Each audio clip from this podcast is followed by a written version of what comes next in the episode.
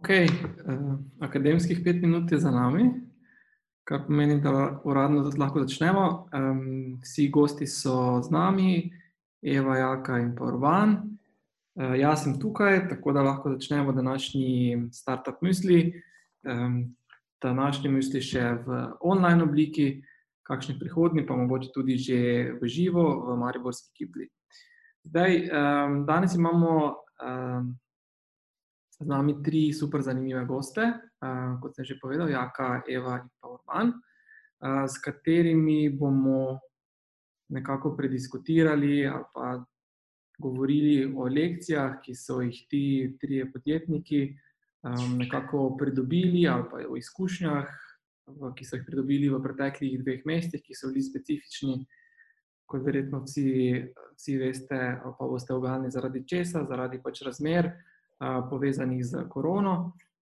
In ti vsi trije podjetniki in podjetnica so specifični iz tega, ker so v te, ta dva meseca, v te specifične razmere, v kateri smo bili pri, nekako prisiljeni, izkoristili za v, v, svoj, v svoj prid in nekako iz te, bom rekel, krize ali pa specifičnih razmer, ker v bistvu izšli zmagovalci današnji webinar ali pa pogovor naredimo, želimo narediti čim bolj interaktivno, zato smo pripravili nekaj vprašanj.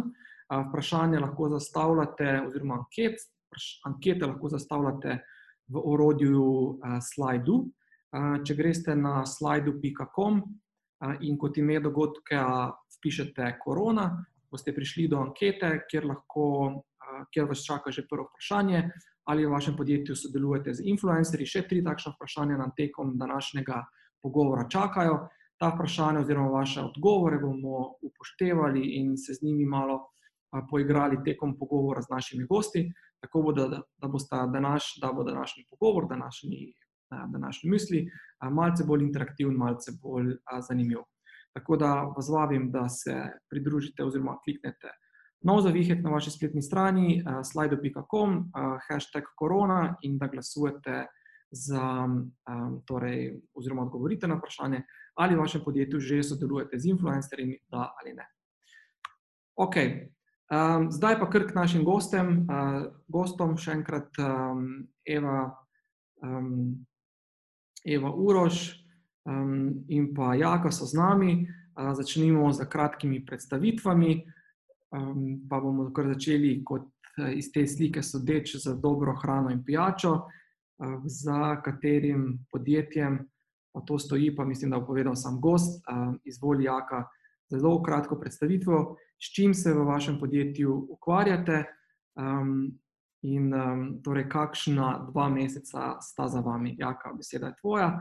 Za vse ostale, torej tudi tiste, ki pa torej sodelujete na današnjem webinarju, pa vas vabim, da v čat Zuma sproti pišete kakšna vprašanja. Jaz vam ta čat odprt in bom jih sproti spremljal in poskušal na vaše vprašanja tudi zastaviti gostem in uh, tudi odgovoriti.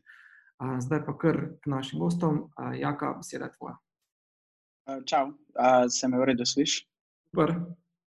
Um, ja, čau vsi. Um, fajn je biti na uh, drugi strani, še kot uh, mogoče kot udeleženec, ne kot host. Um, v zadnjih dveh mesecih smo naredili, zdaj jih bo že kar po moje ne 15 ali pa 20 takih um, seans, uh, pri čemer tukaj danes bomo se bolj pogovarjali o biznisu, mi pa na naših se bolj uh, pogovarjamo o vinu in o koktejlih, um, tako da tematika je ničkem drugačna, ampak. Um, način je pa dosti podoben. Zdaj, predstavljajte si, da bi mi vsi mogli um, iti v, v eno sobo, in je bilo to prepovedano, in dejansko so ljudje tudi ugotovili, da je to tudi časovno zelo velik čas vzame. Um, in to je bil naš, mogoče največji splen, oziroma največje dognanje, um, kar se je zgodilo med korono. In v bistvu to je bilo, da obstajajo načini, da lahko ti gastronomijo preseliš na internet. Ker um, industrija je zelo starokopitna um, in ni glih na to pripravljena. Tudi zdaj, ko se situacija izboljšuje, zelo veliko slavnih šefov in someljejev in barmenov v bistvu nagovarja, da je ne mogoče to industrijo spraviti na internet. Um, mi se s tem ne strinjamo, ne pravimo, da bo izključno na internetu, ker mi smo že začeli tudi s fizičnimi dogodki nazaj. Um, ampak nam je pa pač ta internetni del zelo veliko odprl nekih novih priložnosti. Okay. Kaj pa noar sploh je? Noar je pa v bistvu brand in skupnost.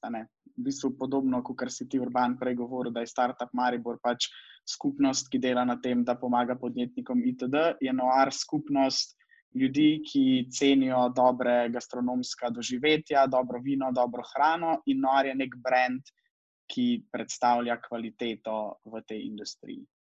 Okay, hvala za ta mm, jedrnat povzetek.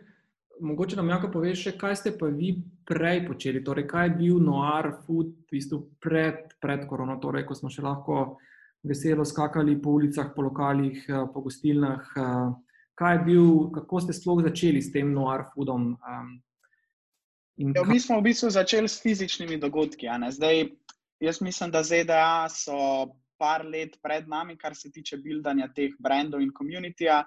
Uh, jaz sem tudi sam tam preživel um, par let in v bistvu je zelo zanimivo, kako so se ljudje tam začeli grupirati v neke skupince ljudi, ki pač imajo neko skupno prepričanje, neki, v neki skupnega verjamejo, uh, se potem dobivajo na doživeti um, na dogodkih. In ne vem, še, če samo pogledamo, recimo, če je Y Combinator nek. Um, standard, kam se bodo startupi nagibali. Če pogledamo zdaj zadnji več v ICU, je bilo kar par firm, ki pač združujejo ljudi neke iste vertikale. Ne. V tem primeru v ICU je, bila, je bilo podjetje, ki združuje ženske nad 50, um, in je bilo podjetje, ki združuje ljudi, ki prihajajo iz Indije. In pač mi smo se odločili, da bomo združevali ljudi, ki imajo. Ki cenijo dobro hrano in dobra vina. Tako da mi smo, ful, veliko vsebin, um, proizvajali, ful veliko smo delali fizičnih dogodkov, prodajali smo stvari, v katere mi verjamemo. Nekaj časa smo imeli tudi plačljiv membership, ki smo ga pol sicer ugasnili, ker um, se mi zdi, da ni še bil ta pravi čas. Vse je nekako temeljil na teh fizičnih stikih. In res je fajn, še posebej, če si v gastronomiji, kaj enkrat ljudje uživajo v tem, kar ti skreiraš. Pač dober event v gastronomiji odpurati ali pa tako dober večer v eni restavraciji je kar en najboljših feelingov, ki ga lahko človek doživi. Um, in normalno, da je pol za nas totalna panika napadla, ne? ker industrija je taka, da je treba ljudi dati skupaj, in kar naenkrat je bilo to z zakonom prepovedano. Tako da nas je na začetku zelo dobra panika napadla. Okay, še mogoče ta uh, detajl, skratka, z Noir Foodom, tudi član uh, še vedno tega v Londonu. Um, ste jim investicijo silicijevih vrtičkov.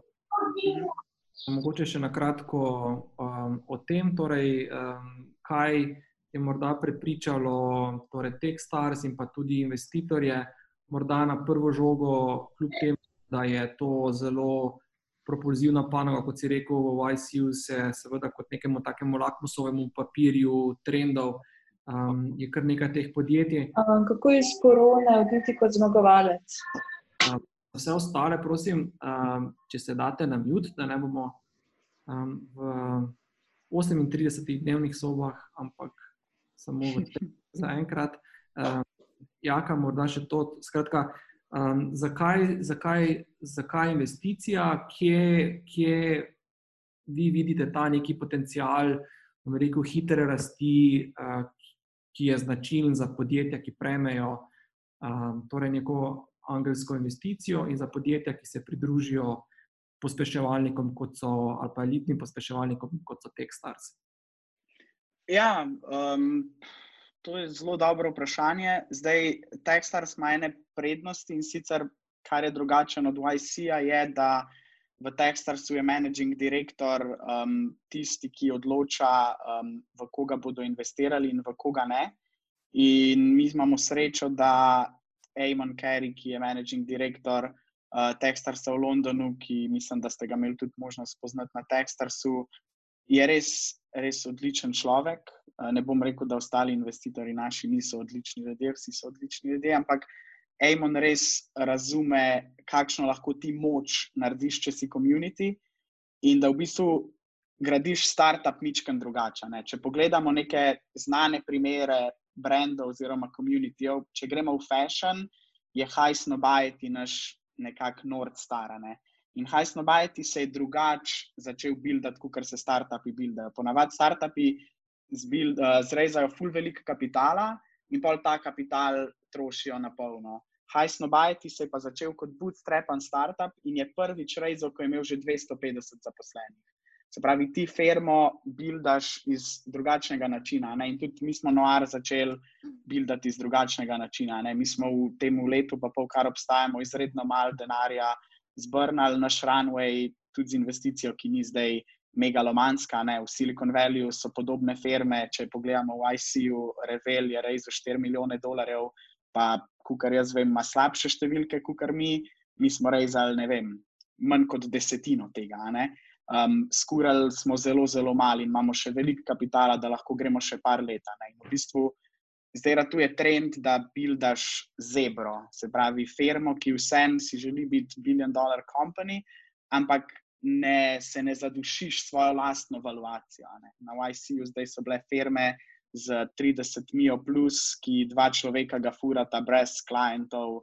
Brez česar koli, in so rezali samo na hype, kar pomeni, da ko boš naslednjič rezal, bo to teže, ker boš mogel justifirati svojo valuacijo. In, in mi dva smo imeli z Ejmonom veliko pogovorov glede tega, ne? in dejansko mi smo bili prvi, ki smo se v Techstars v Evropi začeli pod tem trendom um, prijavljati, za letošnji več je bilo pa ogromno firm tega tipa. Tako da pač ta trend prihaja v Evropo in jaz si tako mislim, da moraš biti ahead of the curve. Ne? Ej, še to, um, um, ker si zelo govoril o trendih, pa da ste bili prvi, ki ste bili v tem trendu, v tem Starsovem veču. Um, zdaj, kaj pa je tebe kot um, motorja te zgodbe pripeljalo do tega trenda? Torej, kje si začutil ta trend, um, kako si v bistvu bil pred ostalo Evropo, kar se tiče torej, podjetniške ideje in priložnosti, ki se pojavljajo na trgu? Mislim, jaz sem full jaz sem full tak uh, avtističen, ko pride do zbiranja nekih informacij in pač preživim full velik časa na Crunchbase in na podobnih stvareh, ker, ker mi je to zanimivo, ne? ker je startup način življenja, ni, ni samo neka služba. Ne? In, in imeli smo tudi srečo, da smo na Povijo tudi delali.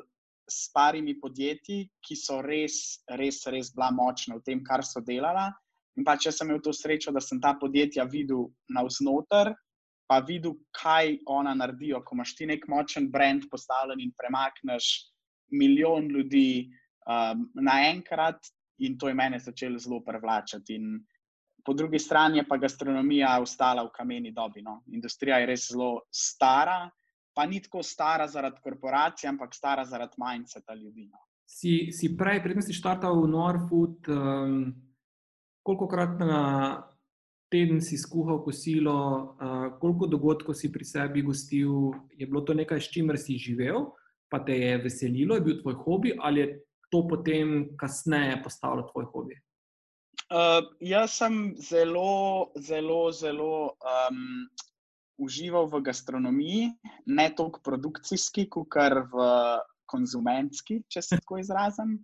Um, tako da, ja, naredili smo tako par eventov tudi za prijatelje. Um, ampak niti ne toliko velik, kot mogoče bi bilo potrebno na začetku. Ne? Mi smo v bistvu kar zelo hiter zadevo, dosta resno zaštartali, še na začetku, ker smo mislili, da se bo dal samo živeti od dogodkov. Um, jaz sem tudi naredil bolj tale. Um, Someljski izpit druge stopne in sem tudi svoje tastinge začel delati. Tako, ampak ni bilo toliko tega, kot bi mogli biti. No. Če bi še enkrat se tega šli, bi definitivno eno leto delali samo dogodke za side job, pa pol skočili noter v to, ker smo se pač v tem. Ta prvem letu, ful, veliko naučila. Ne? In bi s tem še manj keša zbrnili, še daljši rano imeli, itd. itd. Temu se še vrnemo, kaj bi spremenili, eh, če bi imeli eh, čarobno palčko in se vrnili v preteklost. Eh, hvala, super, jaka, taki sočen in zanimiv uvod.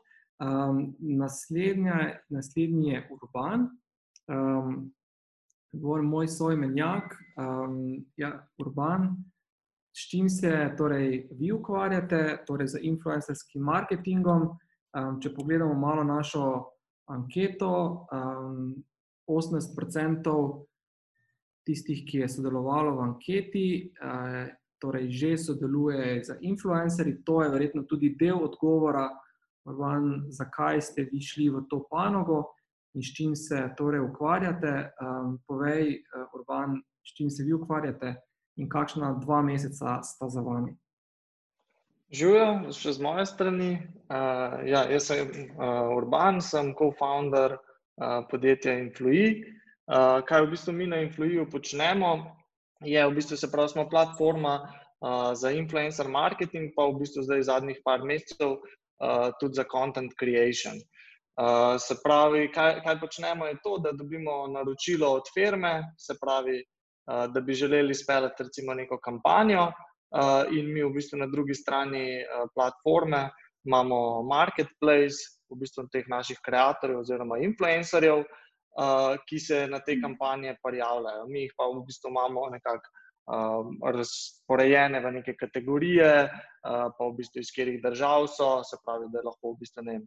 Um, Equa naroči uh, kampanjo s fashion blogerkami uh, v Nemčiji recimo, ne, se pravi, na naši platformi tako kampanjo izpeljajo brez problema. Zdaj, v bistvu, kar smo se pa um, zadnjih par mesecev lotili, je pa v bistvu, se pravi, uh, content creation, kar pa pomeni, da podjetje ne v bistvu izpelje influencerske kampanje prek nas, ampak preko nas naroči, uh, se pravi, vsebine, ki jih potem lahko uporablja predvsem na svojih oglasih. Ne, se pravi, na mestu, da organizirajo uh, svoj fotoshooting ali pa, uh, ali pa imajo v bistvu nek svoj internal uh, creative team, v bistvu pa nas rečejo, rabimo ne vem, deset unboxing videov.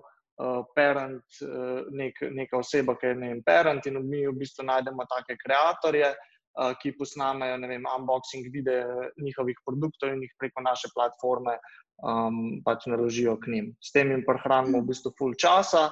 Um, pač druga stvar je to, da v bistvu te vsebine veliko bolj uh, delujejo na oglasih, uh, kot uh, navadne, ne vem, ki bi jih posnel v studiu, zato ker so bolj pristne. Um, in ja, na kratko je po mojem v bistvu nekako to. to. Zdaj, če sodimo tudi po temu procentu, koliko sodelujočih v anketi že sodeluje z influencerji. Skratka, to ni mhm. stvar, ki je nova, skratka, to je en zelo močen trend. Um, in močen trend pomeni tudi, da je na tem področju kar veliko, ali pa kar so kar številne rešitve, kar številna podjetja. Daj, v čem ste pa vi uh, drugačni? Torej, zdaj, eno je ta content creation platforma, ki si omenil, kaj pa prej, preden še tega niste imeli. Ja, v bistvu prva stvar, pač ena stvar, ki smo, ki smo mi v bistvu nekako videli, da, da konkurenca nima dobro rešen, je to, da je v bistvu praktično lahko vsak bil influencer. Se pravi, platforme niso pregledovale, a ima nekdo uh, fake sledilce, uh, koliko dober kontent dela uh, in take stvari. In smo se mi v bistvu želeli nekako pozicionirati kot nek uh, ne vem, top tal. Eh, se pravi, ki je v bistvu ne, v freelancer worldu, uh, v bistvu za, se pravi, za top developerje. Uh, smo se v bistvu želeli tako pozicionirati, ne pa kot nek, recimo, ne vem, Upwork, kjer v bistvu lahko vsak, uh, tudi če ne znaš dobro programirati, dobi job, pa pa v bistvu na koncu klient uh, ni zadovoljen. Um, in smo v bistvu na nek način tukaj. In v bistvu čisto isto na, na content creationu, da v bistvu se pravi, za, zagotavljamo neko dobro kvaliteto vsebin, ki jih firma dobi prek nas. Super.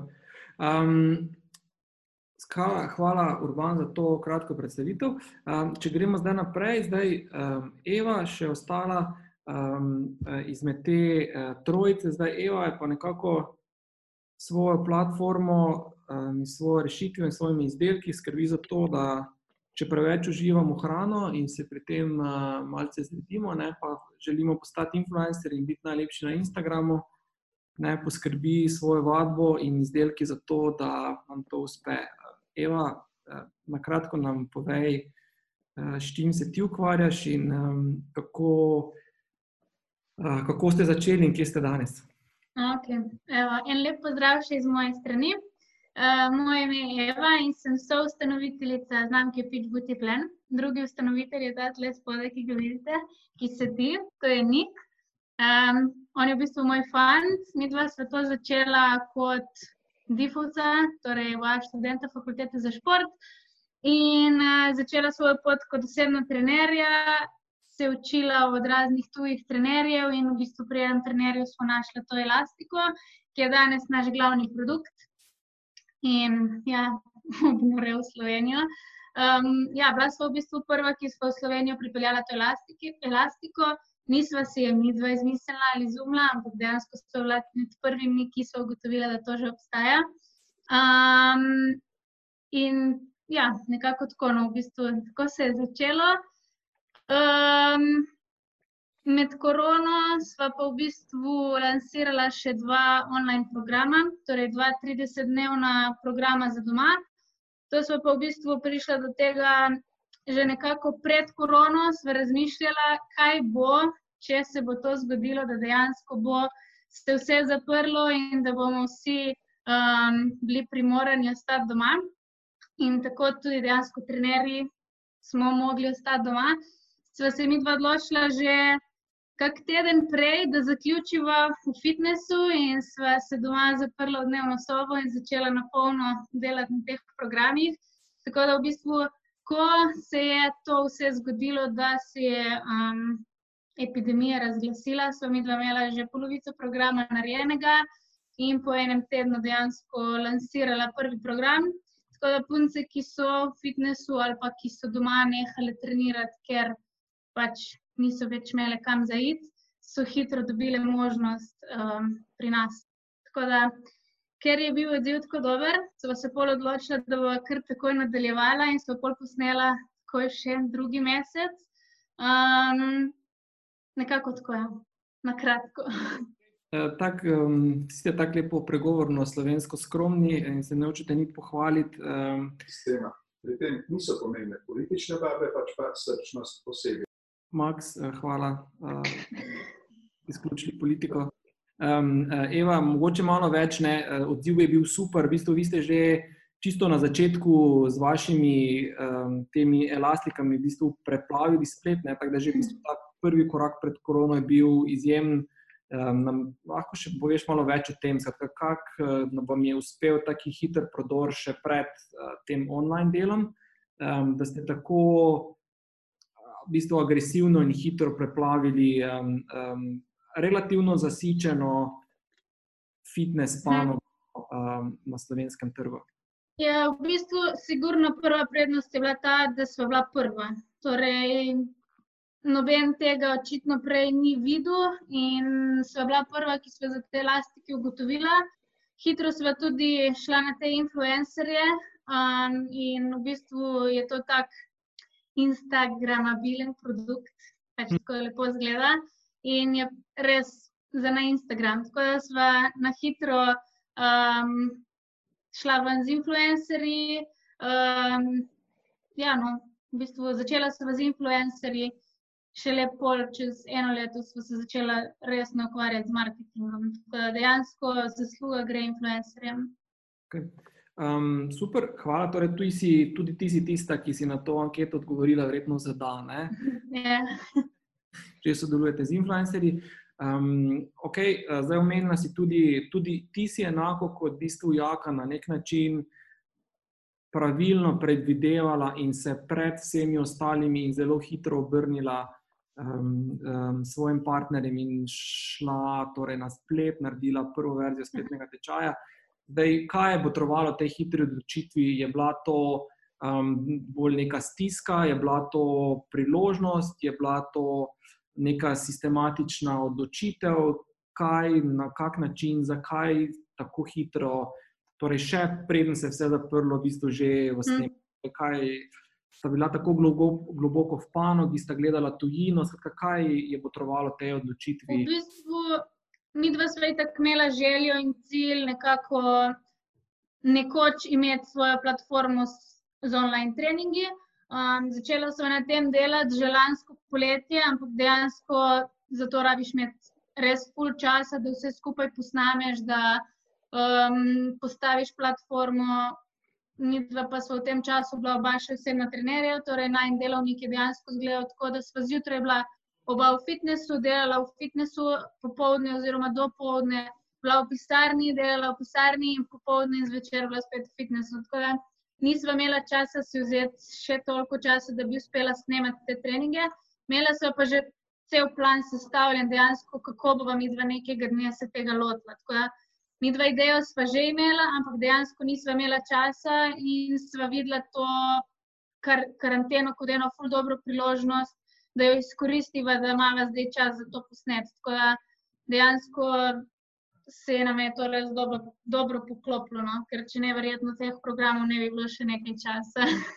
Torej, tudi vidva sta na nek način vsaj malo hvaležna karanteni za, ja, oziroma vse za ta dva meseca, ko sta dobila mogoče nek čas, ki ga ne bi imela, em, da sta lahko to idejo, ki je na nek način že čakala v predalu. Um, ja. ne? Mhm. Um, Anita nam je postavila prvo vprašanje, hvala za enkrat, Eva. Um, na- nam je zastavila Anita vprašanje, torej, eh, zanima torej, jo, kako se je za Noir Food spremenil posel v korona krizi, ali ste organizirali online evente ali kako. Eh, Hvala za to vprašanje, tudi vse ostale vabim, da jih zastavite v četu.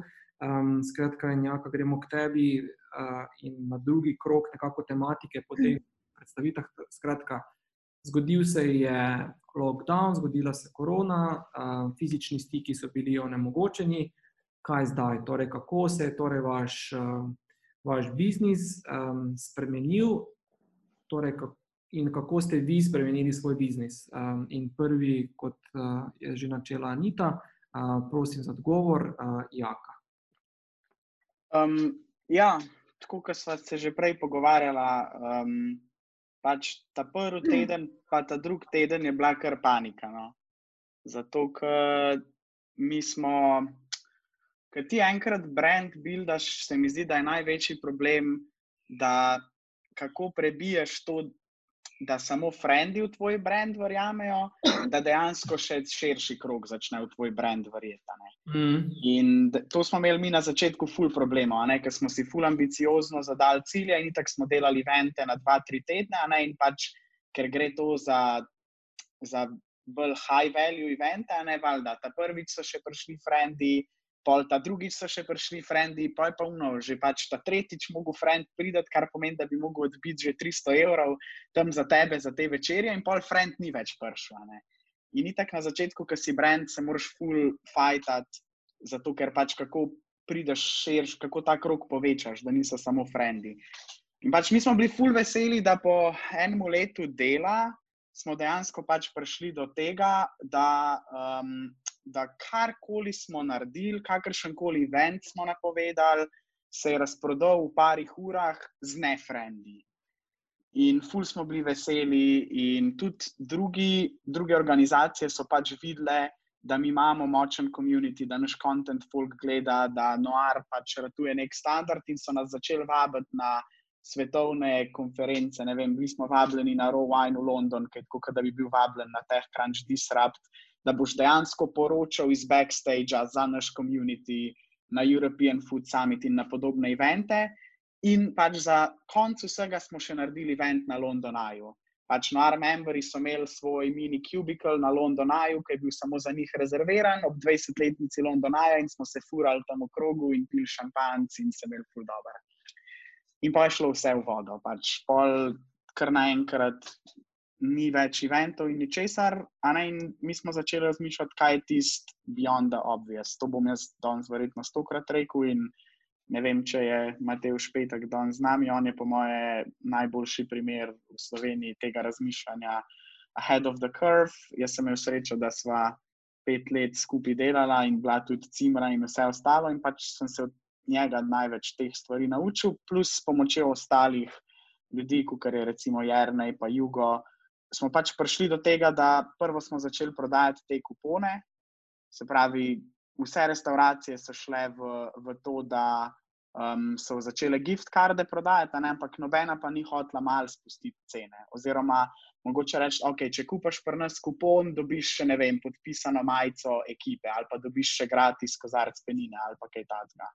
In pač v čem smo bili mi pametnejši od ostalih, je, da smo mičken spremenili ceno in so pač tudi restauracije mal um, prišle bližje tem svojim kupcem, in so ljudje dejansko v masah začeli te food kupone kupovati in v Ljubljani, in v Londonu, in se je pač zbrali par deset tisoč evrov za, za stav za v njihovih restauracijah. In je full lep feeling, ker dejansko smo bili zadnjič na obisku po eni restauraciji, ki je res veliko tega prodala. In pač, ko ti nekdo reče, da je zaradi tebe lahko plača izplačal med lockdownom, da si pač ti bil odgovoren za to in tvoj komunity, pa se full dobro počutiš. To je bila prva stvar. Ampak samo da bomo razumeli, skratka, to so bili kuponi, s katerimi si ti uh, v bistvu na zalogo na nek način kupil neko storitev. Ne? Ja, ti si plačal, ti si kot Kickstarter v bistvu. Pač ti se komitaš, da boš produkt koristil kasneje in zaradi tega ga boš dobil po malni nižji ceni, restauracija je pa denar dobila takoj. In mi v bistvu tudi v tej zgodbi nismo imeli nobenega plusa ali pa profita. Mi smo šli to čist iz community aspekta graditi in to so ljudje res vzeli zelo za, za svoje. No. Okay, super. Mogoče samo še to malo glede številk. Ti si rekel, da ste postali relevantni player, da uh, torej um, Foodfest, um, uh, London Isle in tako naprej. Zdaj, kaj to pomeni, da ste v bistvu prišli, kakšna stopnja ali kaj, lahko kako številko mogoče deliš z nami, ne vem, koliko ste imeli približno memberjev vašega komunitija? Ja, memberjev je tam nekje 5 do 6 tisoč, to so takih, ki pač aktivno recimo spremljajo naš kontent so na naših mail listah, nas spremljajo na LinkedIn, so subskrbani na naš chatbot, itd. itd. Kontent pa doseže, ne vem, tam 150 tisoč ljudi na mesec ali pa 200 tisoč, spet na različnih kanalih, na Instagramu, na Facebooku, na LinkedInu itd. Okay, hvala. Okay, skratka, okay. Eno so kuponi, druga stvar. Ja, pa, pa pač so te tam male flaške prišle. Isto, spet ista zgodba. Ne? Vsi vinari itak delajo samo B2B. In to je grozen, ker ti čez noč ostaneš brez 95% svojega trafika, to je full bed. Plus druga stvar. Veliko teh vinarjev je tako, bolj resno si zadal letošnjo sezono, tudi zato, ker smo mi lani full njihovega stoka že lani pokupili. Ja. In je par vinarjev v Sloveniji, ki so pač zaradi nas tudi tako dabljali proizvodno, ker smo jim Milani pokupili vse, kar so še imeli. In valjda pač pol panika, ne? in mi smo začeli razmišljati, kaj je spet tisto, kar bi lahko naredil, pa da je tako bolj dostopno. Ne? Zato, ker vsi vinari.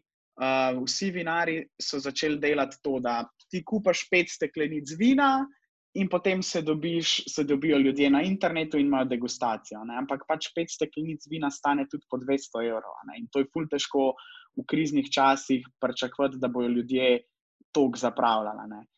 In mi smo pa pač naredili to, da se je vino natočilo v mehke stekleničke, In imeli smo to prednost, da ko ti enkrat steklenico vina odpeš, jo ne smeš več uporabljati. Ne? Ker smo pa mi z vsemi temi vinarji v tako dobrih odnosih, so pa oni nam stekleničke filali direkt iz soda.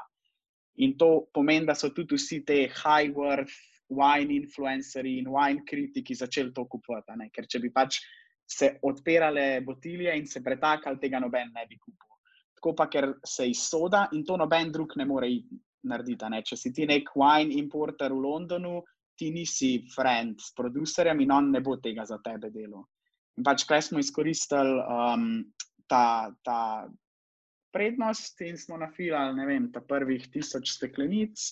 In pa je to šlo tako, in pa smo jih začeli več filati in več filati. In pa so ljudje v našem komunitiju, ki delajo za velike firme, rekli: O, meni je to ful dobr, uh, mi bi to imeli v firmi, lahko naredite tako pač privatno, tako kot smo mi zdaj. In smo rekli, ja, itak da lahko. Ne, ne vem, smo delali event za TikTok, uh, za Nike, zdaj bomo delali event prav za Nike Running Team, za prav za vsi, ki uporabljate Nike Running App, te ljudje, ki direktno na tem appu delajo, bo zdaj naše vino pil, itd. itd. In ja, to je pač nekako bil outcome. Ne. In pol naslednja stvar ni tam na sliki, naslednja stvar smo šli pa pol še v koktejle. Ne. Smo pa pač začeli flaširati tudi koktejle in ista zgodba. Ne. Ljudje so si naročili 5-6 teh drinkov in so se dobili tako, kot se me, zdaj mi dobimo. Prišlo je še par barmenov in smo se pogovarjali in ga pili zraven.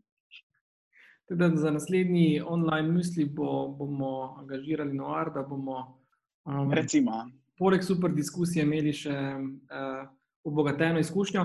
Ampak v osnovi, tak, če te poslušam, Jaka, je um, osnova vseh teh sprememb ali pa uspešnih teh transformacij, ki ste jih naredili, v bistvu prvič najprej vrednost za, za vaš komunity ali pa za vašega uporabnika, kdorkoli pač to je.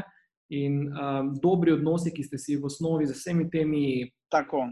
partnerji zgradili, in potem ti dobri odnosi so bili, in zaupanje, ki ste si ga prej zgradili, so bili potem osnova, da ste lahko to transformacijo tako hitro naredili.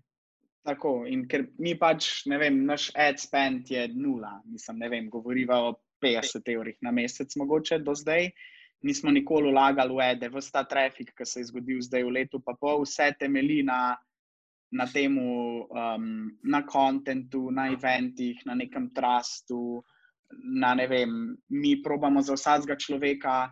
V Los Angelesu je ena ful znana restauracija, ena, ki se ji reče. Tam vsakič, če prideš tja jesti, si zabeležijo, kaj si jedel, kaj ti je bilo všeč, kaj ti ni bilo všeč.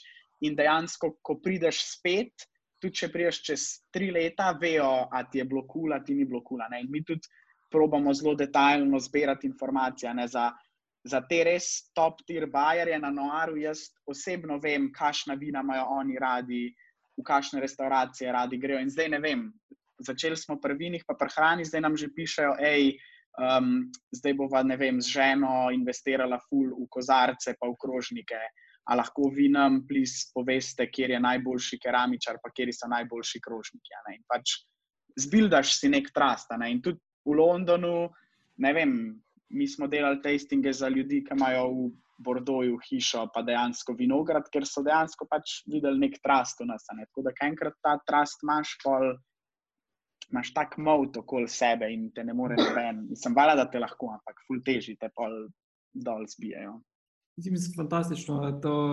Jaz sem navdušen, kako lahko v bistvu. Pa tudi ta neka, ta neka mogoče stigma, da en mali startup um, premakne, ne, ali pa je pomemben player na tako veliki tradicionalni industriji, kot je vinarstvo, in da pa en mali startup v bistvu z inovativnim poslovnim modelom postane relevanten player ali pa relevanten odjemalec na, to, na tako gromozanskem tržišču, je mislim, res, res fantastično. Tako da um, čestitke za ta uspeh um, in um, super, super zgodba. Um, hvala, uh, selimo se k Urbanu. Um, Medtem smo vklopili že drugo anketo, drugo. Sprašujemo vas, kako pogosto se pri izbiri restauracije ali nakupu vina odločaš na podlagi mnenja drugih devet um, udeležencev že glasovalo, um, pogosto, srednje, nikoli, redko, skoraj vedno. Um, Jaka te ta, mogoče pred gremo na urbana, te ta uh, številka preseneča ali je to nekaj, kar je v vaši industriji standard?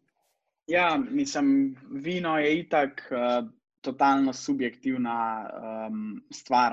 Pač vino ima en velik problem ali pa en benefit, da dražje kot vino je, manjše so razlike.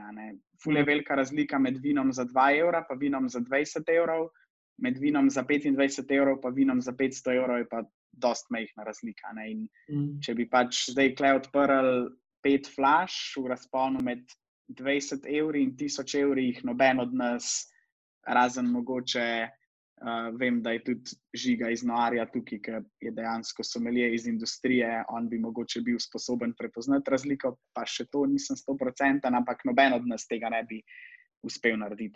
Tako kot če ti kupaš majico, pa ima rdeč suprim logo, plačaš 1000 evrov za njo, če pa to pokažeš tvoji babici, jo bo pa imela za ne vem, štihat nivo.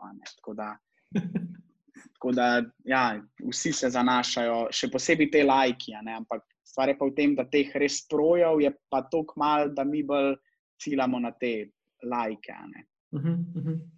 Super, hvala, Urban. Vračamo se k tebi. Torej, Sebastianom sta s partnerjem v času krize stopila v bistvu na nove trge. Kako pa je v bistvu ta kriza vama, vam spremenila v bistvu proces? Na kratko si že v uvodu se dotaknil tega. Um, um, da je tako pregovorno, so tudi velika podjetja, blagovne znamke, ki so tudi vaš uh, pomemben odjemalec, v bistvu naredila en korak nazaj, uh, se malo držala, nižala stroške v marketing. Kako pa je vam v bistvu uspelo um, obdržati v bistvu uh, biznis, spremeniti procese, se prilagoditi in v bistvu biti še močnejši, kot ste bili prej. Mhm. Ja, pač ja, pri nas uh, je bilo nekako tako zanimivo. Prvi, um, prvi teden, ko se je vsa ta korona uh, začela, nas je v bistvu vse skupaj ful presenetila. Ne? Najprej je prišel nekdo en iz ekipe, da je mogoče okužen, pa smo mi vsi takoj začeli doma delati, vsi smo se takoj ful prestrašili. Vem, en teden nazaj je bilo to še kar sam na kitajskem in zdaj je že kar lockdown in vse. In če preš 24 ur, uh, bo itak konc sveta jutr. Uh, in pol se je v bistvu še, ne vem, takoj naslednji teden se je začel, da ne vem, en klient cancel subscription, zaradi tega, ker ne morejo izdelkov več v tujino poslati. Pol smo dobili, ne vem, še ne tri, štiri skenslane subscriptione, kar v naslednjih parih dneh. In smo se pač malo na nek način tako ustrašili, kaj, kukar, kaj če se v bistvu zdaj to vem, nadaljuje naslednji mesec, sej nekaj, koliko denarja še imamo od investicij in vseh teh stvari, ampak kaj se bo zdaj zgodilo, če ne vem, tri mesece ne bomo mogli nobenemu nič prodati, pa da bo v bistvu existing klienti um, pač full manj spendala. In pa smo nekako šli, kot roke, da bomo zdaj malo uh, počakali, ne vem, en teden, dva tedna, kaj se bo zgodilo. Smo šli na nek, nek tak mod, ko gremo stvari na platformi zrihtati, ki jih lahko. Pa se v bistvu pripraviti, ne kontaktirati več novih strank, strank ampak si jih samo pripravljati, lide um, za recimo malo kasneje. Pa smo pa v bistvu videli, da, da eni klienti so full zmanjšali spend, Uh, na drugi strani so bili pa neki taki success story, ki pa v bistvu so kar naenkrat delali full collaboration, kar neke stranke iz tujine so nas uh, pač v bistvu same kontaktirale, ker so bile kar tako, mi sam hočemo uporabljati platformo, full nam gre dobro, hočemo izkoristiti vse to. Pa videli smo full v bistvu nekih um, success storyjev na LinkedIn, ne vem, tisti neki primorci so, ki prodajajo fitness opremo um, da so imeli tako ne desetkratno prodajo, kar tako iz meseca v mesec. In pol smo bili v bistvu rekli, ok, zdaj kaj, pa, kaj je skupno nekim tem podjetjem, ki jim gre dobro, pa kaj je skupno tem podjetjem, ki jim ne gre dobro. In smo v bistvu nekako uh, ugotovili, da bolj kot ne. Um, Je bilo samo to, kaj to podjetje prodaja, se pravi, v kateri branži. Se pravi, um, neka, uh, se pravi, neka fitness, skincare, beauty ali pa neke aplikacije, jim je šlo pač full boljš, na drugi strani so pa neki lifestyle brendi, v bistvu full. Ne, imeli smo neke primere, da jim je šla za 80% prodaja dol. Pa smo mi rekli, ok, kaj pa če mi lahko samo segmentiramo uh, te naše, uh, te, te firme, ki jih v bistvu na novo avtričamo. Uh, in nekako avtričamo samo tiste, ki jim dejansko gre dobro, ne pa tiste, ki so nekako šli v čist nek saving mode in ni takih ne moč prepričati, da karkoli uh, še zapravijo. Ne? In nam je v bistvu to pol, nas je nekako spravilo do tega, da smo še enkrat šli čist segmentirati te svoje stranke um, in v bistvu naštudirali nov nek outreach proces in v bistvu s tem um, pol nekako uspeli in končno v bistvu naštudirali uh, Ameriko in v bistvu, od, v bistvu od takrat, od začetka korone naprej, samo veči, v bistvu večine prodaje uh, naredili tja. Uh, pa pa v bistvu še druga stvar, ki je pa bila to.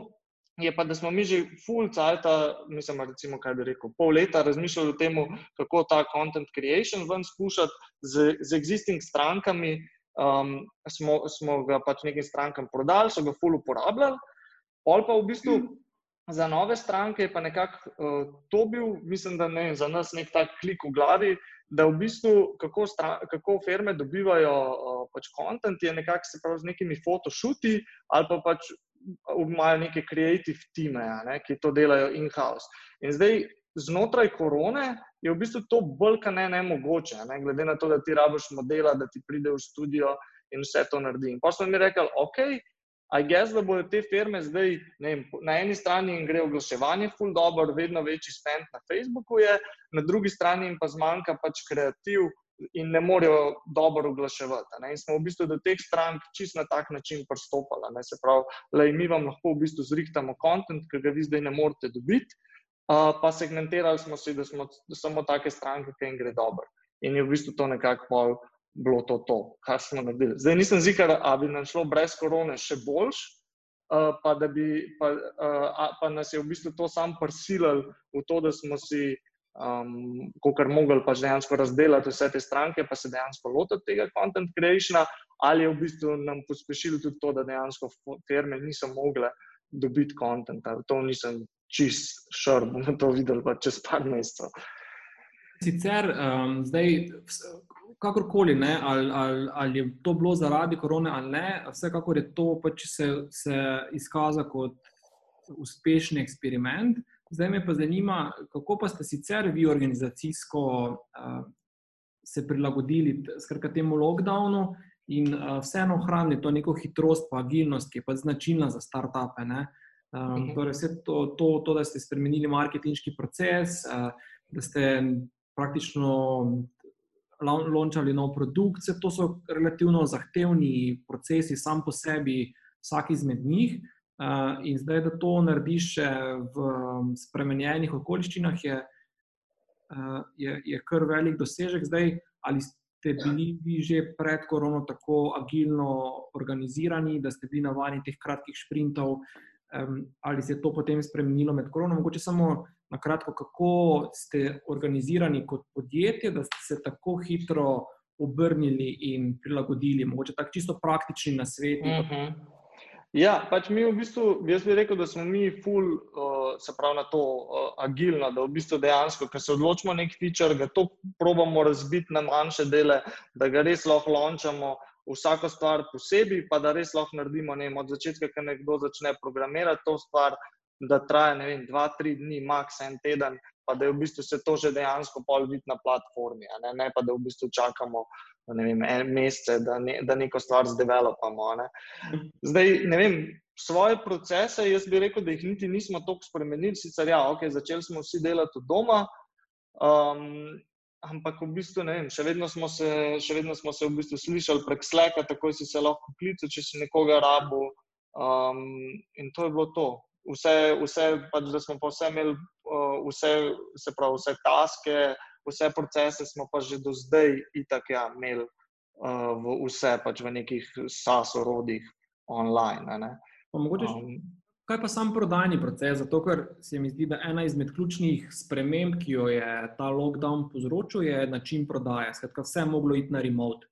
Uh, uh -huh že prej navajeni. Um... Ja, ja, mi smo v bistvu že v tujino, smo itak v, vse uh, remote delali. Ne? Zdaj, edino, kar je tle, pač, ful, pač po eni strani fajn.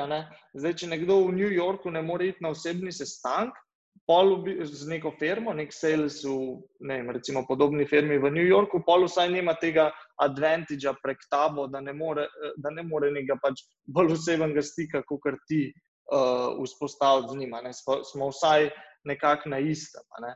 Ampak no, za, za nas se je v bistvu zares to niti ni tako spremenilo, bolj bi jaz rekel to, da smo se v bistvu končno uh, spravili do tega, da smo še bolj segmentirali stranke, ker v bistvu, ki jih ne, na začetku nismo, prvi teden je bilo v bistvu praktično vem, 80% manj odgovorov, ker je bilo tudi 80% manj feren, ki jih sploh še je dobro delovalo takrat. Um, tako, da, tako da to no. Pač. Mogoče še to, uh, ko si rekel, ravno to um, segmentiranje strank, tega se tudi že v bistvu malo uh, um, jaka dotaknil. Um, skratka, ta, um, koliko se vi prej, zdaj, uh, med korono, koliko se sistematično ukvarjate s tem, da delate te neke customer discovery intervjuje, da se, da se ukvarjate z vašimi strankami bolj poglobljeno, torej da govorite o njih, uh izzivih, problemih.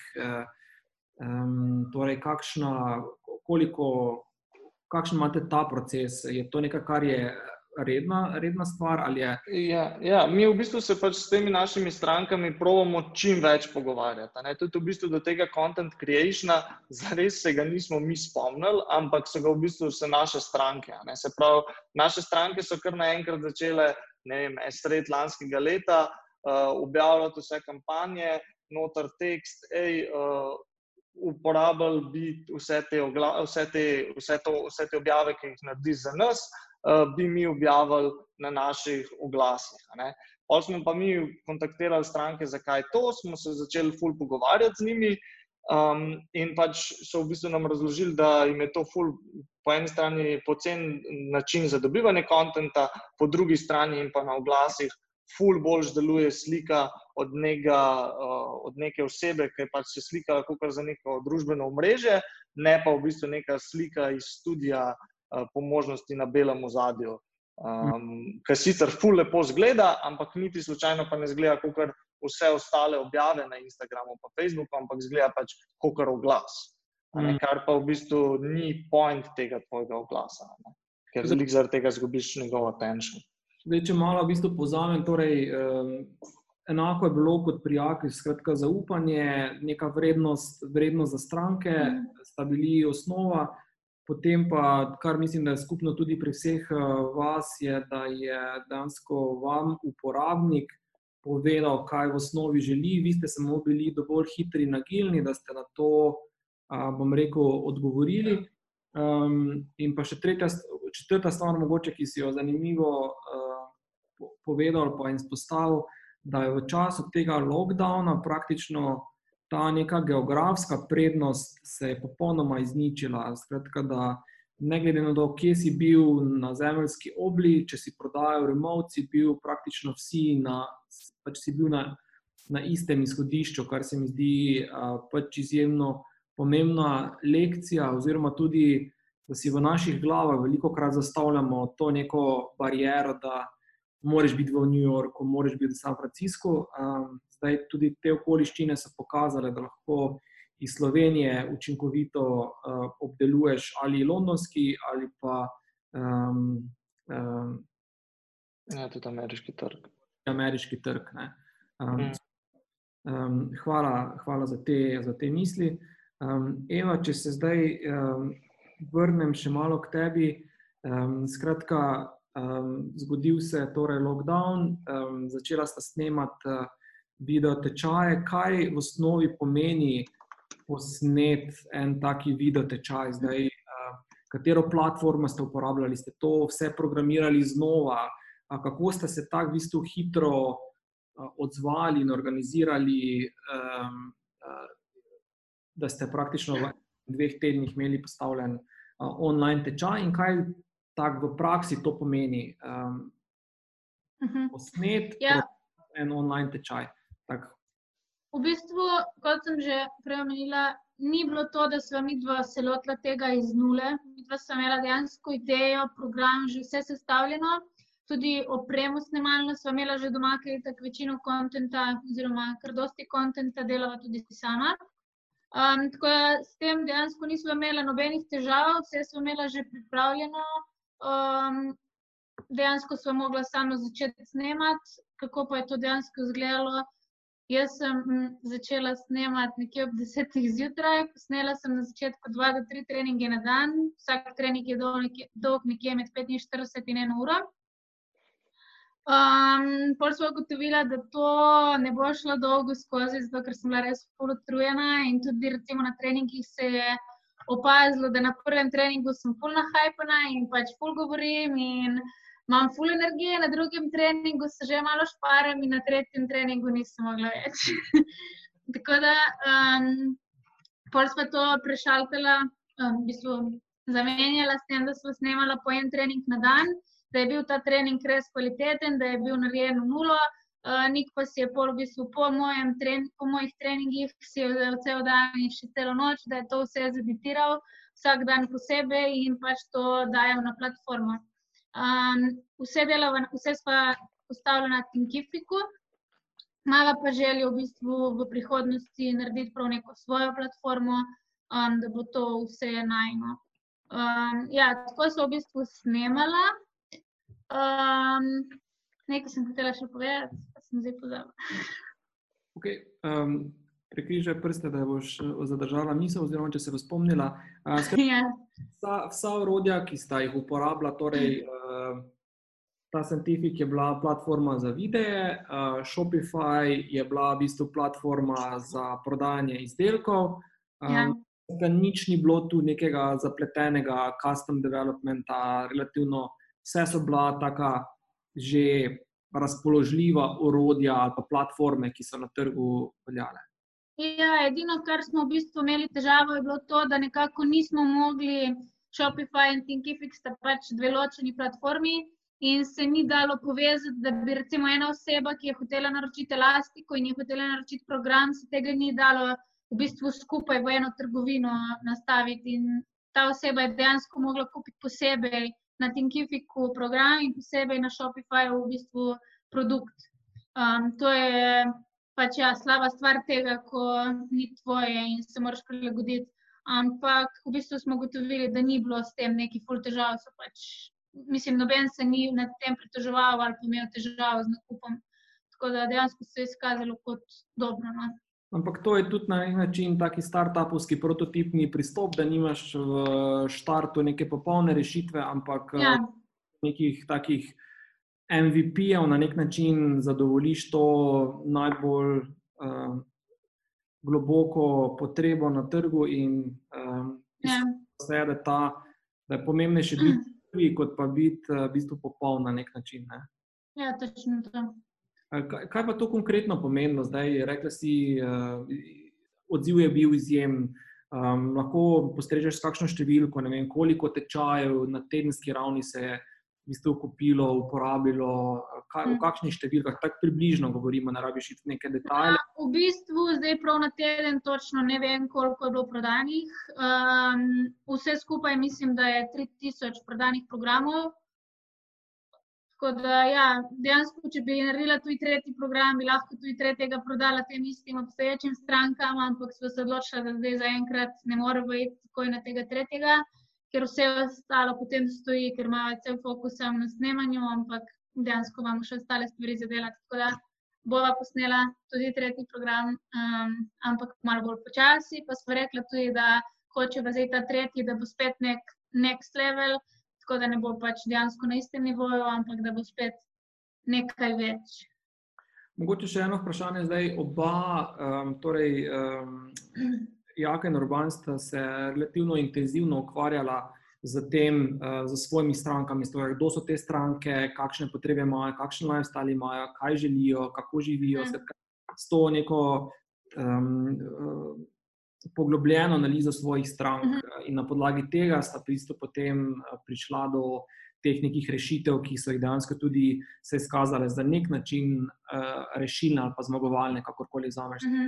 Um, koliko se pa vidva ukvarjata um, s temi svojimi strankami? Recimo, mi smo dali tukaj eno zanimivo oziroma, anketo, koliko krat na teden se ukvarjajo, se ukvarjajo s športom. Uh, osem ljudi je glasovalo, največkrat tudi trikrat. Um, koliko krat je, recimo, kdo je vaša tipična stranka? Mhm. V bistvu mi dva tudi fur delava na tem, no, da dejansko sodelujeva z našimi strankami. In mislim, da je to tudi ena izmed naših ful pozitivnih točk, da mi dva ne delava samo tega, kar bi mi dva rada, ampak dejansko poslušava naše stranke. In tudi to, recimo za program 2, ni bil na enem planu sploh. Pač mi je sem mislila posneti enega in da bo to to, ampak ker je bil pač tak odziv in ker so punce toliko spraševali, so pol na njihovo željo posnela še dvojko. Um, imamo tudi mi dejansko delamo ful na komunitiju, to sem sploh pozabila omeniti in mislim, da je to tudi naša number one prednost pred vsemi. Um, res imamo močen komunity, imamo Facebook skupino, ker imamo not, uh, v bistvu te največje penice, katerim postavljamo tudi dejansko vprašanja glede novih produktov, nam pomagajo zbirati nove produkte, zbirajo barve, um, pač dejansko se, se pogovarjamo z njimi. No. Um, ankete jim pošiljamo, ni da nima. Tako. Eva, koliko imaš za občutek, koliko ima članov ta skupina, uh, ko si omenila? Uh, ta Facebook skupina, mislim, da ima okrog 6000 članov, potem imamo na Instagramu 16600, na zadnje, ko sem pogledala, um, in Facebook na splošno. Koliko je, vem, koliko je moških v tej skupini na Facebooku? Ni moških. Mislim, da je stoprocentno, da so ženske, če se kdaj kakšna punca prijavi z moškim imenom. Mi tako vse prečekiramo, zato ker dejansko punce, ki se lahko prijavijo v to skupino, se morajo prijaviti s številko, na, številko naročila. Tako da ne more priti v to skupino vsaka uporabnica, ampak mora biti dejansko naša stranka, naša uporabnica ali programa ali produktov. In če se kdaj kakšna prijavi pač z, z moškim imenom, napiše spodaj v pombo, nimam Facebooka, ampak je to od mojega moža. Skratka, tudi vi imate relativno ostro zastavljeno ali pa osko zastavljeno ciljno skupino. Skratka, in nagovarjate um, izključno ženske, um, aktivne ženske, pogoj za to skupnost je nakup vašega izdelka. Skratka, ta neki taka kombinacija izdelka in storitve um, ste si zamislili, se je izkazala za učinkovito. Je, tudi, uh, je to nekaj, s čimer ste drugačni od vaše konkurence in tudi zato uspešni, ali tudi vaša konkurenca kaj podobnega, ta, ta neki bundle pristop že. Ja, zdaj, če tako razmišljam, konkurenca ali slovenska ali pač tujina. Um, ja, ne bi rekla, da se vsi toliko ukvarjajo s tem komunitijem. Mi pač res delamo ful na tem, da se punce res počutijo, da so del tega in delamo ful na tem, na tej dodani vrednosti. Recimo pri nas, ko kupijo, recimo samo, mislim, ko kupijo elastiko, zraven dobijo torej vstop v to našo Facebook skupino, ki je zaprta, dobijo knjigico, kjer so not vaje z elastiko, pač za te čiste začetke z elastiko. In v bistvu dobijo knjigico stotih receptov, ki smo jih v bistvu v tej zaprti skupini sestavili skupaj z vsemi temi članicami. To je bilo v bistvu glize med karanteno. Sem dobila idejo uh, za to knjigico in je vsaka poslala svoj najljubši recept, in dejansko smo to oblikovali v pravo knjigo, ki ima zdaj 100 strani in je not preko 100 receptov. Tako da je ful No, bravo, bravo. In to knjigico tudi ločeno že prodajate v vašem storu ali to znova? Ne, ne, ne, tega ne prodajamo, pač tudi ne bomo prodajali, ker dejansko to ni, um, ni, ni naš produkt, ampak je dejansko produkt od vseh teh članic. Tako da to pride v kompletu, ko ti kupiš elastiko, zraven dobiš pač to e-knjigo oziroma te dve e-knjigi um, kot dodano vrednost. Tako da ob, ob vsakem produktu no, to dobiš. Okay. Zdaj, v vajnem uh, primeru sta vidva kot, v bistvu, kot, kot osebi, ne? torej ti kot Eva Peternel, v bistvu glavna ikona, sa, oziroma predstavljate tudi brand kot tak. Ne? Torej, Mhm. ti si v bistvu vodiš te vadbe, ti si v videih uh, in tudi uh, sta kdaj razmišljala, da mogoče in tudi. Koliko sta vidva, vidva kot posameznika, moč te blagovne znamke, pa tudi podjetja, ste pa tudi na nek način uh, bom rekel, omejitev, zato ker ste preprosto samo dva, vajen dan ima samo 24 ur. In kot ste rekli, da pač ne moreš delati neomejeno video za isto energijo na dan. Um, Mhm. ali ste razmišljali, da bi uh, uvedla kakšno tretjo osebo um, in s tem omogočila hitrejši razvoj snemanja videov, ali boste vztrajala na tej um, torej, da sta vidve kot osebi, um, uh, Nik in Neva, tista glavni ikoni in protagonista vajne blagovne znamke. Mislim, dejansko imela sva idejo za te programe, oziroma za to najno platformo, ko bo bila zares prava platforma in Netflix, da bi dejansko na tej platformi ne bili samo treningi z mano, ampak da je bilo ful različnih treningov. Um, jaz sem recimo pač specialistka na tem področju, nisem pa recimo za neko jogo ali pa pilates ali pa nek drugačen tip vadbe. In zato, da bi ta platforma zajemala čim več teh različnih vadb, sem pač itak razmišljala, da bi dejansko bilo to enot več različnih trenerk tudi. ne. Um, zdaj zaenkrat sem to sama, ampak v prihodnosti, če bo to platformo res razširila, um, sigurno ne bom sama vsega vodila, ker niti nisem dovolj izobražena na vseh teh področjih. No. Mhm, mhm. Super, bravo. Um, zdaj, mogoče um, ta čas kar eh, neusmiljeno teče in um, 15, dobrih 15 minut, če imamo do konca. Um, prav lušno je klepetati z vami. Eh, Če znova, če kakšno vprašanje, uh, dajte ga zastaviti v čat, uh, naši gosti bodo z veseljem um, odgovorili. Um, če se vrnem počasi, um, zdaj, ok, korono smo, ste preživeli več kot odlično, zmagovalno. Um, kaj pa zdaj, torej naslednji korak? Um, um, kaj vas zdaj čaka? Torej, pa mogoče, Eva, ko smo kar pri tebi, ostanemo, nušamo Ja. pohvalila, super so te vadbe, pitch, booty plan. Uh, skratka, evo, še ena pohvala, kar tukaj. Hvala. Um, um, ja. Skratka, Slovenija, uh, Facebook skupina je velika, um, Instagram skupnost je velika. Kaj so zdaj naslednji koraki, torej uh, pitch, booty plan 2.0 po koroni uh, do konca leta 2020? Kaj so tisti plani, um, ključni izzivi? Ja. V bistvu zdaj že med korono smo mi zaštartali Hrvaško. Um, zakaj med korono? Pač smo rekli, če v Sloveniji tako pali, bo mogoče tudi na Hrvaškem. Tako da smo zaštartali Hrvaško in v torek, zdaj danes je sreda, ali ja, ne, danes je torek. Um, danes smo, oziroma ne, včeraj.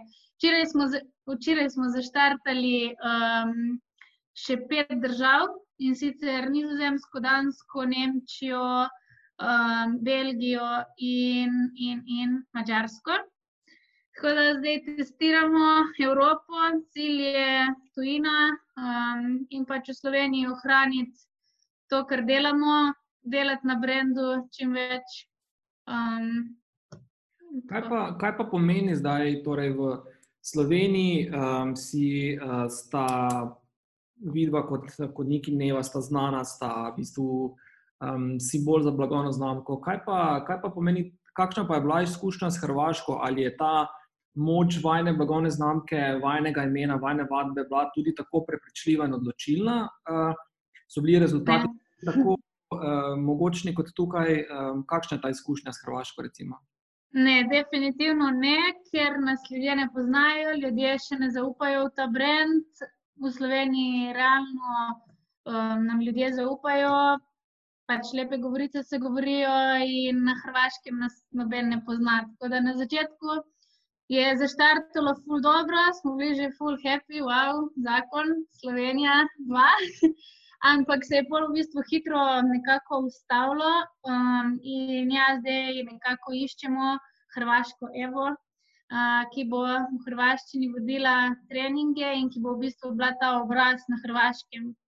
Zato smo se zdaj tudi odločili, v bistvu, da štartamo pet držav naenkrat v Evropi, da testiramo, katera bo najboljša primla in tista, ki bo prva primla, tisto lokaliziramo in za tisto državo najdemo tudi um, tisto Evo, ki bo pri njih v njihovem jeziku pač bila brand, pač buti plena um, in dejansko obraz v njihovi državi. No. To je zdaj nekako plan, bomo videli, kaj se bo iz tega zgodilo. Tako da držite se osnovnega koncepta, skratka, jedro je skupnost, jedro je pač mačarska, belgijska uh, Eva, ki vodi, ki vodi vadbe, ki je v bistvu na nek način protagonist blagovne znamke. Um, um, in držite se kombinacije torej fizičnih izdelkov plus um, torej teh online tečajev. To je koncept, s katerim greste. Um, Tako. Mislim, da za začetek bomo štartali najprej s produkti ker je to pač za treninge res um, že kar organizacija. No? Um, tako da začetek štartamo s produkti, pol pa ja, in tako uh, bomo dodali tudi treninge te osebi. Um, bomo videli. Okay, mogoče še to, um, preden gremo naprej uh, k Urbano in Jaki. Uh, kdo, kdo vam je, mogoče v teh, je kakšna oseba, kakšna svet, kakšna knjiga, kakšna spletna stran, uh, ki vam je zelo pomagal pri tej hitri prilagoditvi, hitri transformaciji, hitremu odzivu. Bi mogoče sploh za naše poslušalce, koga bi mu lahko izpostavila, ali je to oseba, ali je to spletna stran, ali je to knjiga, na svet, karkoli takega koristnega, enostavnega, če ti pride kaj na pamet, na misel. Um, V bistvu ne bi rekla, da vse te ideje, da smo kje dobili od koga ali pa da smo kje prebrali ali karkoli, ampak oba res živiva za to in se cele dneve pogovarjava samo o tem, kaj bova, kako bova kje spremenila. Um, dejansko pa 24 ur na dan je razmišljanje samo o teh stvareh in ja, smo se tega zavedala dovolj zgodaj, kar lahko vse prinese ta korona. In mislim, da je bila to dejansko najna ideja in odločitev, um, to, da nekako razmišljaš malo vnaprej. Zanimivo. Um, ja. morda tukaj rezultat te ankete je, da je um, 50% anketirancev reklo, da trenira dva do trikrat na teden, um, 33 skoraj vsak dan, uh, 11% enkrat na teden. Se je po vašem mnenju um, torej število treningov, poprečno število treningov pri, pri ženskah povečalo uh, v času korone? Um, Ja, definitivno. okay. Se In ka- je povečalo, um, prvič zato, ker dejansko so punce imele ful več časa, ker so bile vse doma. Um, eni so, ne vem, brali knjige ali kakor, karkoli drugega delali, pač ene so se odločile za treninge. Dobili smo odzive tudi, da so punce naredile en trening zjutraj in en trening zvečer, torej dejansko mi je bilo ful všeč. Um, in pa dobili smo tudi ful odzivov, da smo s tem programom prepričali tudi dosti punc, ki dejansko še nikoli sploh niso trenirale. Tako da smo te naše cilje um, dosegli. V bistvu najmanj cilj je to, da čim več ljudi zmotiviramo k temu, da sploh začnejo in pa pač ja, potem tudi nadaljujejo. Uh, ja, in smo to dosegli. Kot moški moram zastaviti to vprašanje, če imate v planu tudi kakšne. Kak, kak brand, kak tečaj za moško populacijo, ali eh, sploh ne razmišljate o nas, moških? Ja, jaz tudi pravim, da bi to bilo ful dobro, ampak nik nekako ni prepričan v to. Um, bomo videli, če ga uspem prepričati. Jaz mislim, da bi tudi bilo ful dobro, da bi uh, dejansko nik posnel en program za moške za doma. Super. E, Jaz sem v to prepričan, um, mogoče nisem edini, uh, pa upam, da ne bomo rabili nove korone, da boste prišli do kakšne take nove prodorne ideje. Ja, jaz tudi. Hvala, hvala Eva, za enkrat. Um, uh, Urban, uh, še vaše isto vprašanje, skratka, uh, influji po koroni, um, uh, torej kakšni so zdaj plani in isto vprašanje, torej drugo, kdo ali kakšna oseba, knjiga, uh, spletna stran, kjer si našel, pa kakšna svet, trik, uh, ki, vam je, ki vam je zelo pripomogel pri tej hitri transformaciji, adaptaciji. Mhm. Ja, pač za nas je v bistvu zdaj, ne vem, nekako nekak je bil že v bistvu vstajt plan čim prej prodreti v Ameriko. Ful smo si želeli v bistvu tudi uh, ta content creation sprobati, da dejansko znamo uh, to prodati, da dejansko firme to rabijo, ali je bil to sam nek naš, uh, neka naša ideja, ki je par firm hotel imeti. In nekako smo v bistvu s tem zdaj nekako to dokazali, da jim da znamo uh, pač, uh, v bistvu prodajati ameriškim strankam in da v bistvu ta kontent dobro gre. Zdaj, zakaj smo hoteli content creation? V bistvu zaradi tega, ker je v influencer marketing uh, spaceu ful večja konkurenca s temi platformami, uh, v tem content creationu je pa še vedno malo tak ta blue ocean, uh, ker še v bistvu ni, ni veliko konkurence. In pač, kar je tle fajn, to je, da si v bistvu mi zdaj nekako izmišljujemo cene, koliko morajo firme plačevati za slike, koliko morajo firme plačevati za videe, kar je pa pol v bistvu full pač fajn za tebe kot firmo, ker lahko pač te cene postaviš tako, da tebi dobro paše. Um, to in v bistvu ja, nekako jaz mislim, da, mo, da je za nas zdaj plan to, da double downamo na vsem temu, smo full v procesu hiringa, se pravi, če koga v webinarju zanima, mi lahko piše na urbanaflainflui.co. Um, iščemo od sales repov, account managerjev. Um, tako da, ja, na to, se pravi, double downamo na prodor v Ameriko, pol, ko se malo te, vse te razmere umirijo, je pač plan tudi uh, uh, rezati eno malo večjo seed rundo, um, v bistvu z dokazanim vsem tem, kar imamo, uh, in pol v bistvu to seed rundo imeti za, za pač v bistvu dejanski prodor v, v Ameriko, da bi v bistvu pol dejansko tam tudi ofise odprli um, in to. Do takrat pa pač čim več tega, kar smo zdaj naredili, uh, pač skalati, pogrunta, če, če so kakšni problemi, ki se bodo zihar pokazali. Um, in to je to. Kaj, Aha, ja, za, za nasvet, pa za vse to je pa v bistvu nam, ne vem. Uh, pač na nek način se mi zdi, da, v bistvu vsi, da, so, da smo v bistvu vsi, vsi trije tle, pa tudi vsi ostali, ki imajo neke success storije, je to, da um, pač z, vsako, z vsakim problemom, ki pride, so, se zares ful enih novih rešitev, oziroma ful enih novih rešitev se rapa. Ne. Uh, in zdaj te nove rešitve jih najlažje rešijo neki startupi, oziroma neka nova podjetja, tega, ker so preve, te velike organizacije čist prepočasne in v bistvu ne morejo uh, slediti uh, tem trendom tako hitro, oziroma jim je full fine, ki jih že delajo, full denarja, pa pa se jim ne da ukvarjati z novimi stvarmi.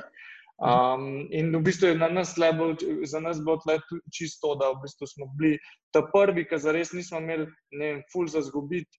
Uh, da, da pač nehamo na to influencer marketing, pa se bolj usmerimo v content creation, uh, in pa se to ne vem, splača za res. Uh -huh, uh -huh. okay. um, morda še to vprašanje, eh, koliko ste bili v tej, v teh, koliko vas je kriza prisilila, da ste bili hitrejši, agresivnejši, um, še bolj agilni, kot bi bili sicer. Um. Ja, jaz bi rekel, da je bilo bolj, mislim, ne vem, če je bilo to, da nas je prisililo, ampak je bilo bolj v bistvu tako, nimaš noč za zgubiti za res. Pač bili smo tako, kar naenkrat smo imeli vem, z existing strankami, ki smo jih imeli, je bilo malo manj dela, zaradi tega, so jih je par, uh, kot sem rekel, skenirali, malo so kašni so zmanjšali uh, budžete in pa smo imeli kar naenkrat full, full enega, pač ne vem, cajt, pa v bistvu hkrati ne vem, ker sem rekel, da smo ugasnili outreach strankam pač drugače smo imeli vedno, ne vem, ti je šlo 5-6 ur v dnevu, da si se vem, pogovarjal z ljudmi, ki si jih imel v fanalu in vse to, zdaj polkrat naenkrat za dva tedna. Je uno šlo stran. In smo imeli kar naenkrat full cajt, da so se dejansko s Sebastianom sedela za en dan, dva dni, pa rekla, ok, da gremo zdaj od začetka, uh, postaviti, pa pogledati, kaj smo, lahko, kaj smo na robe delali, uh, kaj lahko naredimo, ker v bistvu tega cajta ne vem, prej nekako nismo imeli. Um, tako da to je to. No. V bistvu, jaz bi rekel, da nam je ful pomagal ta uh, Silicon Gardens uh, network. Uh, pač en izmed teh glavnih naših, da smo pač to, da smo rekli, ne bomo več počakali, ampak da bomo pušali naprej strankam, ki jim gre dobro. Je bil v bistvu tudi nek webinar, um, ki smo ga imeli znotraj Silicon Gardens networka, ki so pač v bistvu Mislim, jaz sem mislil, da sem v bistvu čisto, ker sem se, ker smo preden je bil ta webinar, sem bil tako, da okay, zdaj bo tle govoril, kako pa zdaj moramo prebroditi to, uh, da bo pač čim bolj, da, pač, da, bomo, vem, da bomo po koncu krize čim bolj, kul. Cool. Uh, pa pa pač na webinarju sam success story, pač ja, mi podajamo petkrat več, mi pač čisto vsi nam odgovarjajo. Pač ne, meni so razlagali, da ne stranke, ki jih nikoli niso mogli dobiti, in zdaj same piše. In pa smo bili tako, oh moj bog, pač se nam se v bistvu na nek način isto dogaja, zakaj čakamo, zakaj pač sam ne uh, pušamo v tisto, um, kar, kar vidimo, da pač bi nekako mogli. Mhm. Super, kul. Cool. Hvala, bravo. Um, Jaka, še za tebe isti komplet vprašanj. Um, torej, Noir Food uh, po uh, koroni, torej do konca 2020, kam, uh, kaj so vaši cilji, pa isto vprašanje, skratka na svet. Um, oseba. Na svet za. Um, ja, cilji za prihodnost so pač definitivno naprej skalati te online stvari. Kot sem rekel, fizični eventi so že nazaj, uh, v bistvu, in jutri in v četrtek že lahko pridete na pač co-brandene evente, ki jih delamo v Ljubljani z našimi partnerji. In prejšnji teden je bilo enako, tako da te stvari so vse nazaj, ampak predvsem, kje pa si mi želimo skalati, je pa to, ne, da, da pač naredimo gastronomi scalable. Zato, ker to sem videl v novcih. Pač Uniki, ki delajo v industriji, narediti tasting za 100 ljudi je fizično nemogoče. Pač to, to se ne da. To pomeni, da moraš imeti ti 500 kozarcev in ne vem. 500 flash vina in prostor za 100 ljudi, to je tako fizično nemogoče speljati. Ne? Mi smo ga naredili zdaj za 100 plus. Radi bi ga naredili. In ko greš ti do ljudi v industriji in rečeš, hej, imeli smo 100 ljudi, jim je pač to nepredstavljivo. Ne? To je, to je prej bilo nemogoče. In zdaj bi radi prišli, ne vem, na tisoč, da bi imel na enem tastingu naenkrat, tako kot smo mi zdaj tukaj, da bi imel tisoč ljudi. To, si mi želimo in v to smer bi radi šli. zato bomo zdaj tudi začeli uh, studijske epizode delati, se pravi, tako podoben, kot je um, Eva rekla, pač kupaš kontent, ki je predposnet s somelijem in kupaš box vina.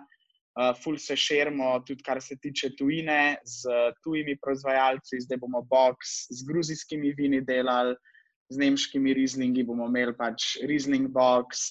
Radi bi pač, da je noar način, ker ljudje spoznajo neke nove gastronomske stvari, koktejli grejo v prodajo, se pravi, tele zadevce boste lahko zdaj kupovali um, v Ljubljani in v Londonu po barih, to so pač pribečeni koktejli, ki jih kupite um, za domov, mrč lončamo, verjetno ta ali pa naslednji teden, uh, da bodo pač ljudje, ki verjamejo v noar, začeli tudi nositi stvari, v kere mi verjamemo, ne? ker noar je itak v povezovanju različnega arta, ne se mi gastronomijo jemljemo kot art. Um, in pa ne vem, čim več svojih produktov. No? Pač zdaj smo že tako veliki, da um, tako ti bom rekel, s 30% maržo na produkt od nekoga drugega boš težko neki imperij zgradil, a nekaj imaš pa ti svoje produkte, pa to čist neka druga zgodba. Ne? Tako da fulejnih produktov novih še prihaja. Um, Ki pač jih lahko mi bolj tudi uspešno prodajamo, brez nekih oglaševalskih stroškov, ne? zato ker pač imamo nek brand, pa komunity od zadaj za sabo. Super. Bravo. Eva, ko si rekel, da so svoji produkti višja marža, Eva, razmišljate kaj o čisto svojih produktih z višjo maržo, da boste to ekonomiko izboljšali? Boste se Mislim, da te produkti, trenutno, ki so, so naši produkti. Jaz sem mislila iz tega vidika, da nismo mi dva razvila tega, um, ampak je to dejansko že obstajalo, produkti pa so dejansko vsi naši, tako da pač marža in to vse štima. Cool, super. Evo, um, mi smo prijadrali do konca nekako našega pogovora, urta pa pol je minila kot 15 minut. Meni men je super hitro minilo, veliko veselje mi je bilo klepetati z vami. Um, sem predpričan, da uh, so tudi naši udeleženci veliko koristnega zvedli. In mogoče za konec še kakšno vprašanje od uh, naših udeležencev. Um, kar nekaj še nas je ostalo, več kot 30. Uh, eh, kakšno vprašanje za naše goste, uh, kar v čet. Um, en, dva, tri. Mogoče še kakšen en na svet, um, ki bi ga dali samemu sebi, um, pred, uh, ki, ste ga, ki ste se ga naučili, ali pa do katerega ste prišli v času korona in bi si ga dali samemu sebi pred enim letom in bili zaradi tega bolj uspešni. Kaj bi bila ta nek nasvet ali pa dejanje ali pa način dela, razmišljanja, um, do katerega vas je pripeljala korona. Boče kar urban, Eva, jaka. Uf. Ne vem, če imam lih, ne vem, če imam lih kakšen nasvet. Um, ali pa spoznati. Ja, kaj bi bilo? Jaz bi rekel, da um, Mislim, ja, pa segmentirati stranke. Pa če bi to že prej delali, bi pogruntali, eh, bi že veliko prej na to začeli laufati vse skupaj. Hvala, eh, super. Eva? Jaz bi mogoče rekla to, da ne preveč čakati, ampak raje kar štartati, pa pol sproti nekako rešuješ stvari. Super, cool. Vsega tak, čista startupovska mantra. Um, Ja, pač včasih se mi zdi, da tako se ustavimo na eni točki, ko preveč razmišljamo, ne, pa to ne bo dovolj dobro, pa ne, pa ne vem kaj, pa mine toliko časa, ko bi lahko že zdaj to bilo zunaj, pa bi pač sproti videli dejansko, če je to res mm. za popraviti ali ne. Da, ne vem. Cool. Super, hvala. Uh, Jaka, še ti kakšno stvar?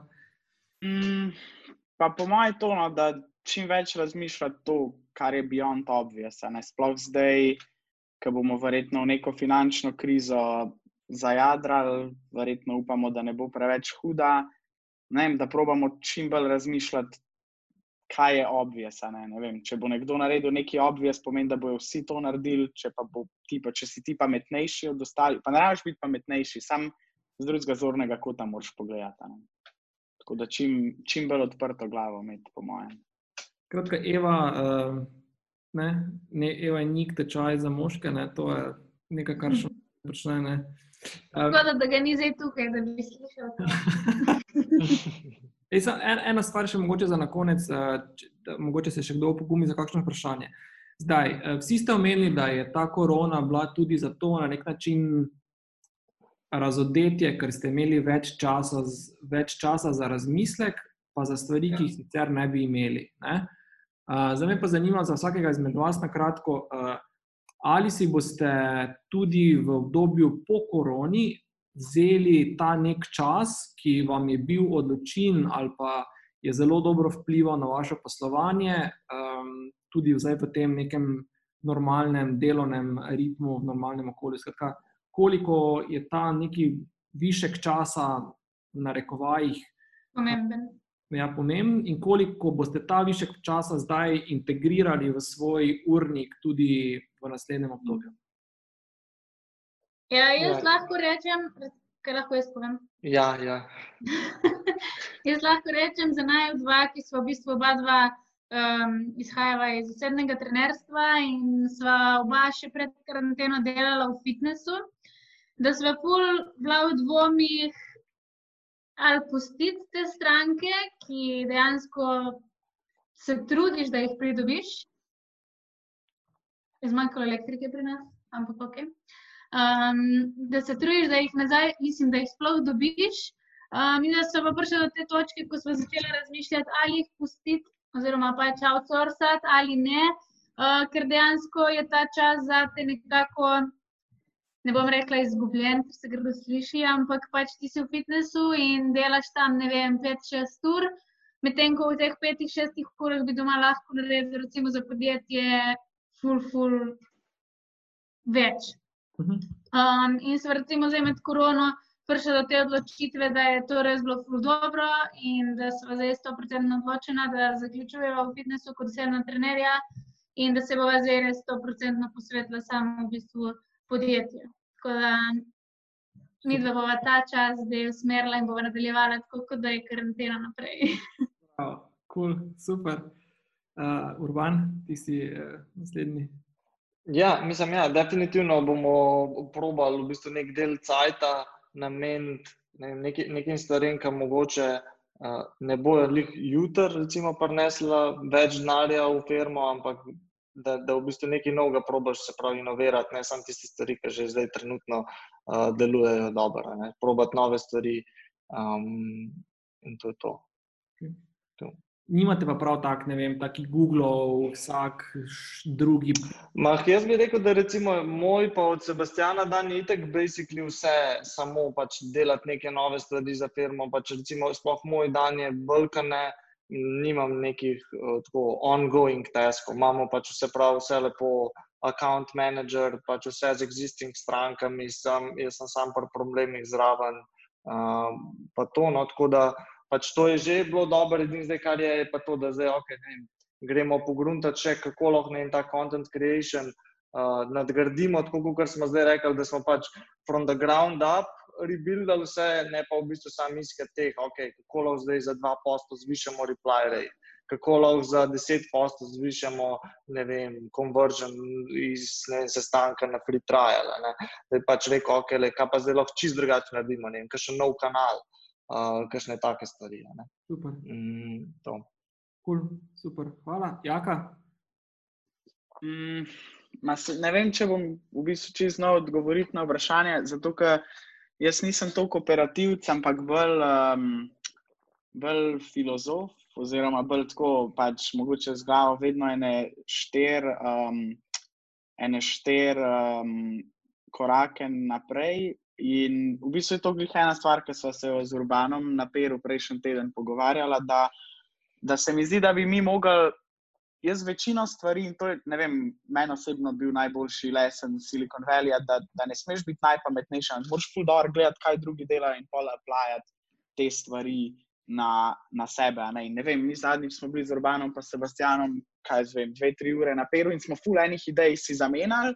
In, in jaz bom zdaj lahko te ideje mogoče tudi, mogoče tudi uh, pri nas uporabil. In po drugi strani, um, po drugi strani, a ne, jaz sem preživel toliko pa toliko časa v ZDA, da imam tudi neke stvari, ki jih boste pa mogoče one dva uspela uporabiti. In svet se tako hitro vrti, da ful težko si up to date samo s knjigami in, in s članki. In se mi zdi, da predvsem te neki founderji teh starosti, ki smo mi, ne, ne vem, 23, 24, 25, ki še nimamo toliko velik nekih drugih obveznosti, ne, bi mogli, po moje, več časa nameniti tudi druženju med nami, pa širanju nekih idej med nami, zato ker to je res, po mojem, to največji prednost acceleratorja, no, da tim skupaj živi.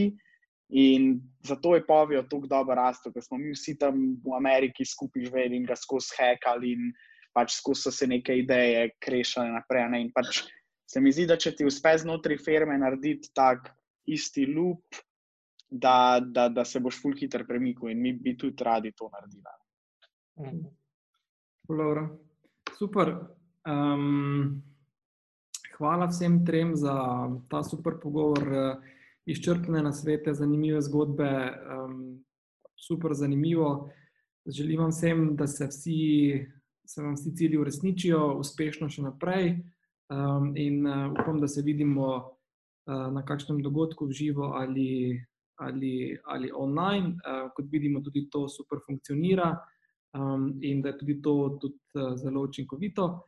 Um, tako da vidimo se uh, vsem udeležencem, se zahvaljujem za deležbo in uh, vas vabim, da tudi naprej spremljate program Startup Maribor, vse kar počnete. Uh, še enkrat pa za vse tiste, tudi, ki, ste, ki vas zanima ta koemicijska schema, ki sem jo na začetku omenil, skratka, ki imate zasebnega investitorja, pa bi želeli to investicijo podvojiti, pa nas kar z veseljem kontaktirate in vam lahko pri tem pomagamo. Želim vam lep preostanek večera. Jaz grem na fitness, da bom lahko vsaj dvakrat na teden odkljukal svojo športno aktivnost in se vidimo ob drugi priložnosti.